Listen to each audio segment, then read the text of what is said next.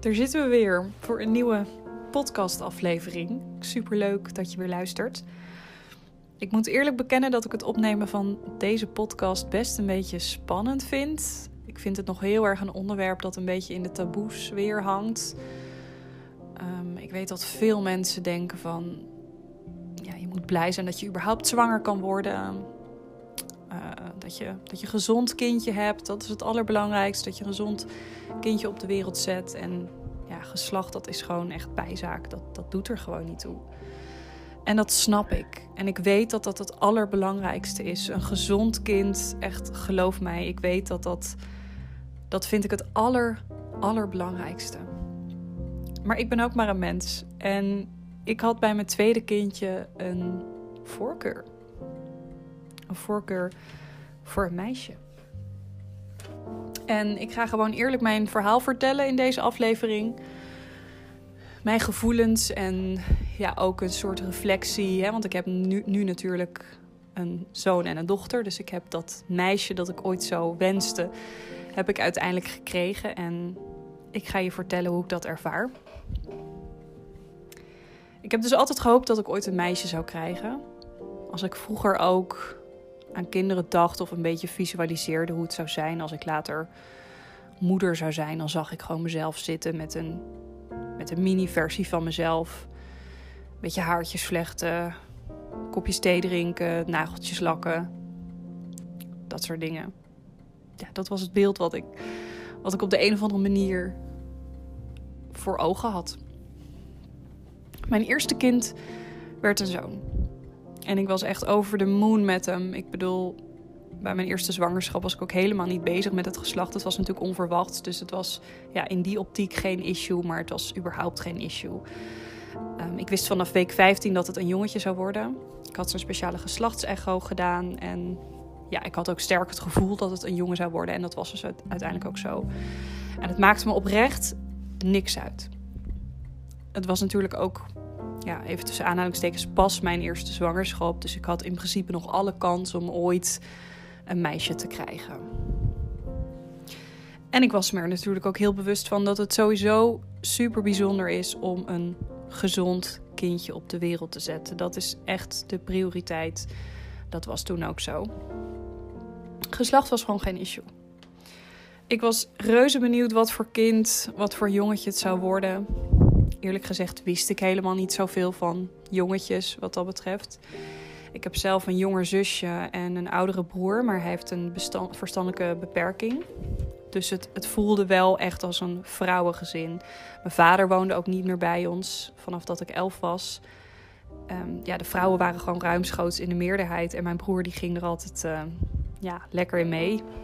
Die hobbelde wel mee als we dagjes gingen winkelen, gezellig thee uh, gingen drinken, koekjes erbij, kletsen.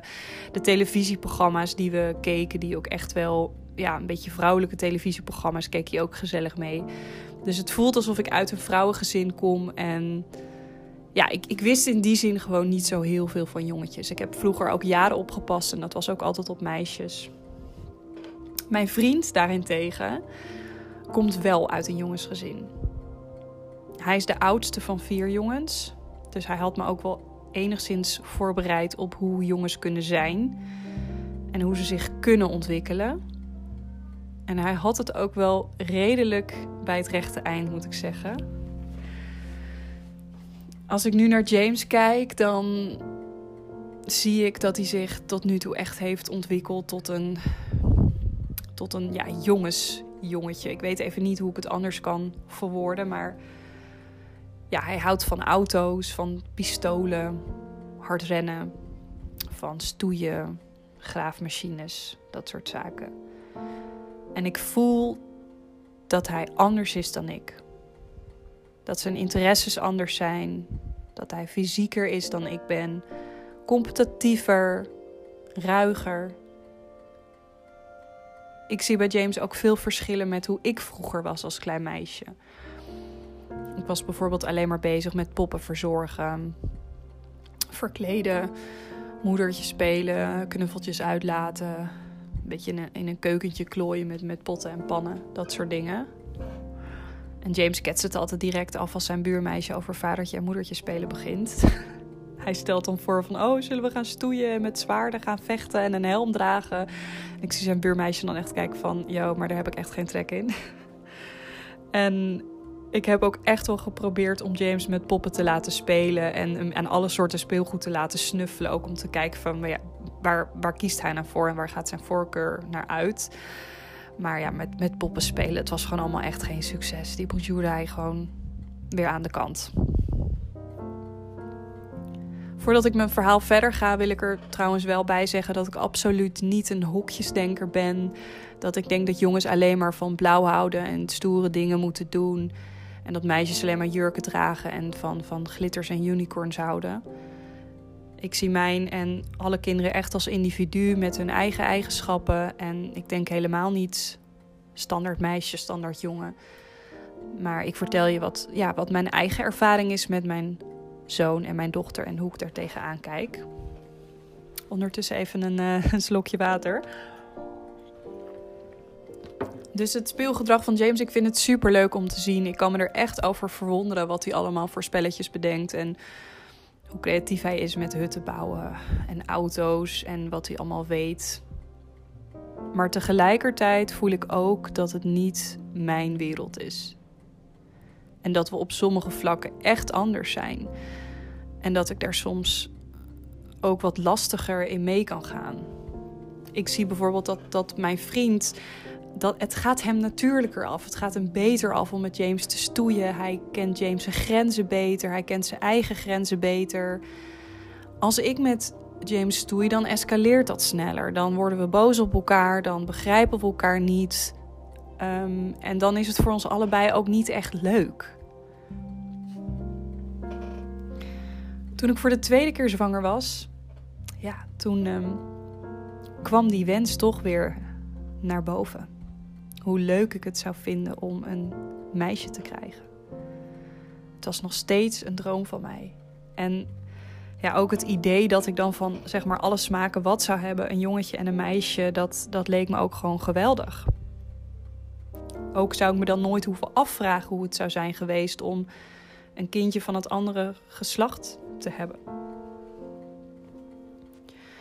Dus je zou gerust kunnen zeggen dat ik een voorkeur had voor een meisje. Ik vond de echo dan ook best wel spannend. Ehm, ja, dat vond ik echt een spannend moment. Het was wederom met 15 weken ben ik weer naar, een, uh, naar zo'n echocentrum uh, gegaan voor een pret-echo. En uh, na een lange introductie en zoeken of het kindje wel goed lag, kwam toen het verlossende woord dat we in verwachting waren van een meisje. En ik vond het super leuk. Ik vond het geweldig om te horen. Ik kon het eigenlijk ook nauwelijks geloven, omdat ik voor mijn gevoel. Um, ja, zou ik een jongensmoeder worden? Ik denk dat die gedachte voortkwam uit het feit dat mijn vriend uit een familie met alleen maar jongens komt. Ja, en de mannen bepalen nu eenmaal het geslacht. Dus het had mij heel logisch geleken dat wij ook alleen maar zoons uh, zouden krijgen. Maar het werd dus een meisje eigenlijk tegen iedereen's verwachtingen in. En ja, dat was fantastisch. En we keken er enorm naar uit, ook omdat het weer iets heel nieuws zou zijn. Want ik wist natuurlijk nu wat het inhield om een jongetje te krijgen. Maar ja, een babymeisje, hoe zou dat zijn? En, en hoe zou dat zich dan ontwikkelen? En ja, dat, um, daar was ik super nieuwsgierig naar. Al vrij snel merkte ik dat jongens en meisjes echt anders zijn. Zo heeft Izee nooit interesse in autootjes getoond. En ja, ook al werden die door haar broer veelvuldig onder de neus geduwd. Ze speelde gewoon liever met knuffeltjes en popjes. Een tasje. En uh, ja, ook heeft ze bijvoorbeeld veel meer interesse in tekenen dan James. En ook heeft, heeft ze ook echt de rust om, om gewoon rustig aan tafel te zitten. En rustig te tekenen. Bij James dan is het meer, ik pak een blaadje, ik zet er een paar krassen op met zoveel mogelijk kleuren. En ik maak er een brei van kleuren van. En dan, dan wordt het aan de kant gesmeten. Maar ja, ik zie dat Izede bijvoorbeeld veel meer geduld voor heeft dan James. Ze spelen wel heel erg leuk samen, ondanks dat, dat ze echt af en toe wel wat andere interesses hebben. Maar met dat samenspelen, ja, ook dan komen die verschillen weer naar boven. James bouwt een hut en die gaat erop klimmen en klauteren en weer kapot maken en uh, vervolgens weer opbouwen. En Izee zit het liefst met een bakje rozijntjes en een popje in die hut. Gewoon lekker rustig uh, te zitten. En ik vind die verschillen tussen hen heel erg leuk. Ook omdat ik met beide kinderen echt andere spelletjes doe. Met Izee kan ik bijvoorbeeld heel goed kleuren. En ze kan tijden lekker in mijn haar frunniken en borstelen. Dan zet ik haar op de rand van de bank en dan gaat zij achter me zitten. En dan gaat ze lekker door mijn haar heen. En met James speel ik weer politietje en pakkertje en dingen waar snelheid in zit. En gewoon van die uitdagende spelletjes. Maar ik merk wel dat ik bij James wat vaker denk: hey, dit is echt niet mijn ding. Als hij er eens te wild springt en ruig doet of met pistolen zwaait.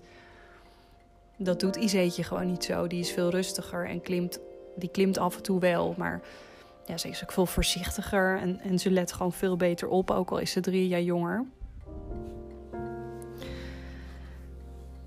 Ik schaam me er niet voor dat ik mijn voorkeur voor een meisje de tweede keer heb uitgesproken. Of mijn, mijn wens om ooit een meisje te krijgen. Nogmaals, ik weet dat er veel andere ouders zijn die dit zo kunnen voelen. En ehm, natuurlijk staat buiten kijf dat het het allerbelangrijkste is dat je kindje gezond ter wereld komt. Maar ik denk ook dat het iets onnatuurlijks, of iets, nee, niet iets onnatuurlijk, juist iets natuurlijks is om een voorkeur te hebben. En ja, dat je er gewoon ook oprecht niks aan kan doen. Goed, um, dat was de aflevering van deze keer. Heb je comments of opmerkingen, dan, um, dan kun je die altijd achterlaten op Instagram in een DM. Volgens mij uh, heeft, uh, ik weet niet hoe het op Spotify of op Apple Podcast. Dus je kan ook wel een, ehm, review achterlaten. Zou ik ook heel leuk vinden als je me een aantal sterren geeft. Nou, dat is allemaal mogelijk. Maar ik wil je vooral heel erg bedanken voor het luisteren. En ik hoop natuurlijk dat je de volgende keer ook eh, weer erbij bent. Dag!